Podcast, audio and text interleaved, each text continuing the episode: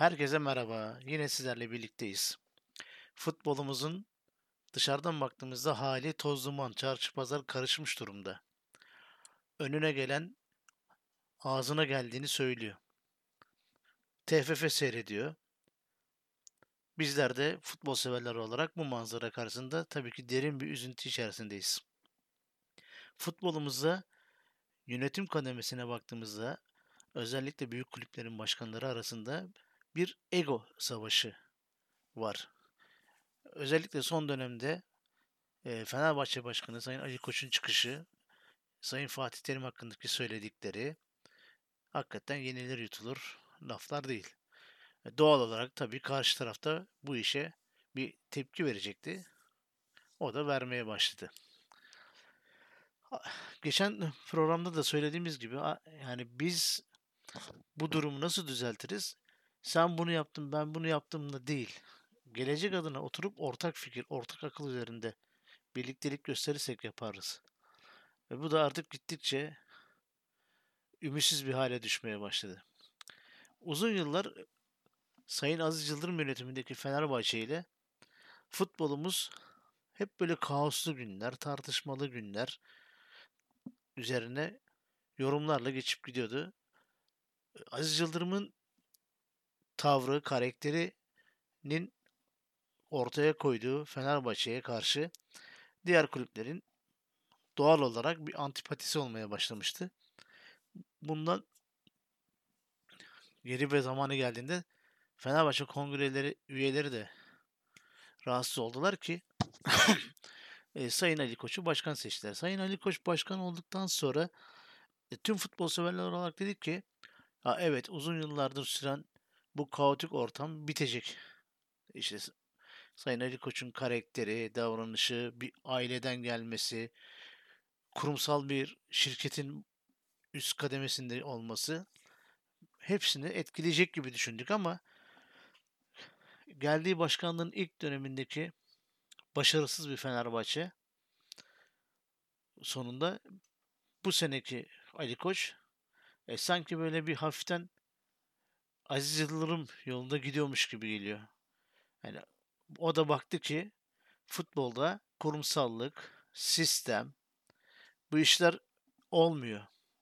Kim daha çok konuşursa, kim kime daha çok laf atarsa o öyle gidiyor. Yani şimdi mesela PFDK'nın verildiği, vereceği e, cezalar inan Ali Koç'un hiç umurunda bile değildir. O şu anda hedefine ulaştı. E, geçen sezon kötü giden Fenerbahçe'nin ardından bu sene iyi başlayan Fenerbahçe'yi daha diri, daha birlikte tutabilmek adına Aziz Yıldırım'ın yolunu seçti. Bu da şimdilik başarılı gibi gösteriyor ama e, bu başarı sadece gene Fenerbahçelileri ilgilendiren bir başarı olacaktır. Çünkü bu söylemler e, Aziz Yıldırım'a olan antipati gibi Sayın Ali Koç'a da bir antipati yaratacaktır. Yine Fenerbahçe sevilmeyen bir takım haline gelecektir. Yine işte dediğimiz gibi ego savaşları üst seviyede olacaktır. Bu iş sanki böyle bir kara delik gibi. Bu kara deliğin içinden de kurtuluş yok maalesef. Yani şimdi Fatih Terim'in kişiliği üzerinden yola çıkarak bir yere varmak inanın ki sonuç değil. Yani biz futbolda neyi konuşuyoruz? Başarı. Bu başarılar nasıl elde edildi? Ha varsa haksız bir elde ediliş Oturalım, masaya yatıralım ve zamanında çözelim. Ama hani işin üzerinden geçmiş. Sen zaten böyleydin, şöyleydin demekle bu işler olmuyor. Yani sen karşı tarafa bir şey söylersen karşı tarafta sana doğal olarak onun daha fazlasını, daha ağırını söyleyecektir. Bu işte bizi bambaşka bir yere getirecektir. Bu sezon belli ki Fenerbahçe ve Galatasaray arasında bir ego savaşı var. Peki bu işin bu iki takımın dışında kalan Beşiktaş'ta durum ne?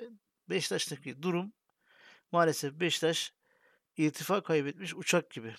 Devamlı aşağı doğru iniyor. Camiada bir travma var. Camia birlikte değil. Takımın içinde maalesef çöküş var.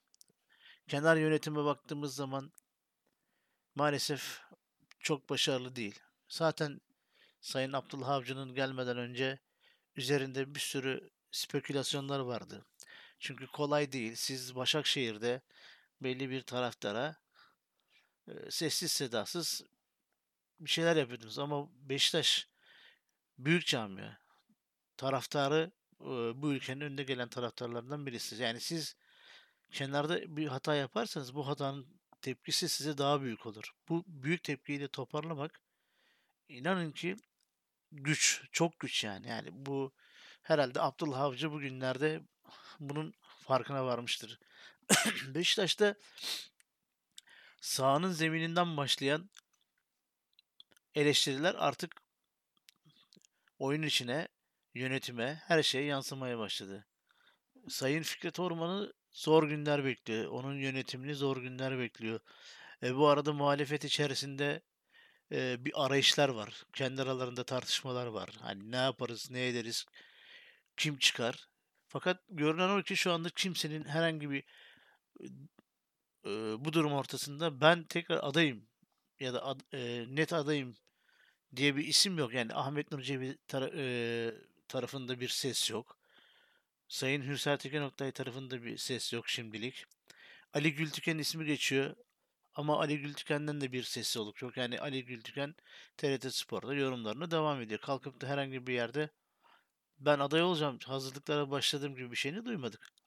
Yani hiçbir başkan adayının ortaya çıkmadığı Beşiktaş'ta bir kongre havası var sanki. Ve bu hava daha ligin 5. haftasında Beşiktaş'ı şampiyonluk yolunda geri iter. Yani çok net Beşiktaş artık şampiyonluk yolunda geri kalmıştır. Bu tartışmalar devam ettiği sürece de Beşiktaş'ın sıralamadaki yeri daha da aşağılara düşer. Çünkü eğer siz camia, tribün, sahadaki oyuncular, yönetim birlikte bir araya gelip de bir sinerji yaratamazsanız, bir ortaya sinerji koyamazsanız işler kötüye gider. Beşiktaş'ta da bu süreç başlamıştır maalesef. E, zaten ligde kötü sonuçlar alıyordu. E, Avrupa kupalarındaki ilk karşılaşmasında da o özellikle uzatmalardaki son iki dakikaya arka arkaya sığan iki gol. Defans hataları, oyun sistemindeki arkadaşların yanlışlıkları, kenar yönetimin yanlışlıkları. Maalesef Beşiktaş'da işler hiç de iyi değil açıkçası. E Sayın Fikret Orman da yönetimi de zaten bu iyi gitmeyen şeyin manzaranın baş sorumlusudur.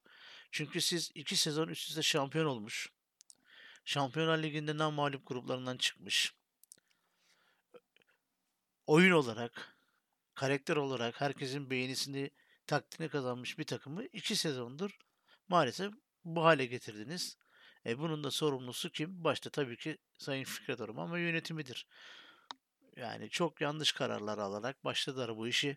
Özellikle Şenol Güneş'in oyun sistemindeki Marcelo'nun varlığı tartışılmazdı. Beşiktaş'taki oyunun başlangıç noktası Marcelo'du. Marcelo'nun gelişiyle birlikte Beşiktaş'ta çözülmeye başladı. o iyi takım gittikçe eriyen, biten, çöken bir takım haline geldi ve manzara ortada. Şimdi Galatasaray da iki sene üst üste şampiyon oldu. E bugün bakıyorsunuz Galatasaray Beşiktaş'ın yaptığı hataları yapmamak üzere ki bu basına da yansıyan bir söylemdi. Ee, ne yaptılar? Bu işi bu hale getirdiler. Yani takımı güçlendirdiler. Takıma takviyeler yaptılar. Ve Galatasaray bugün e, Şampiyonlar Ligi'nde ilk maçını deplasmanda berabere kalarak zaten iyi bir sonuç almış oldu. Buradaki iki önemli maçta da ne yapacağını e, bilemiyoruz. Bakalım. Tüm takımlarımıza Avrupa'da başarılar dilerken e, bu sezon dediğimiz gibi belli ki e, yönetimsel anlamda ego savaşları devam edecek. Türkiye Futbol Federasyonu bunu izleyecek, seyredecek. Beşiktaş da bunların gerisinde kalacak gibi görünüyor. Herkese şimdilik iyi akşamlar.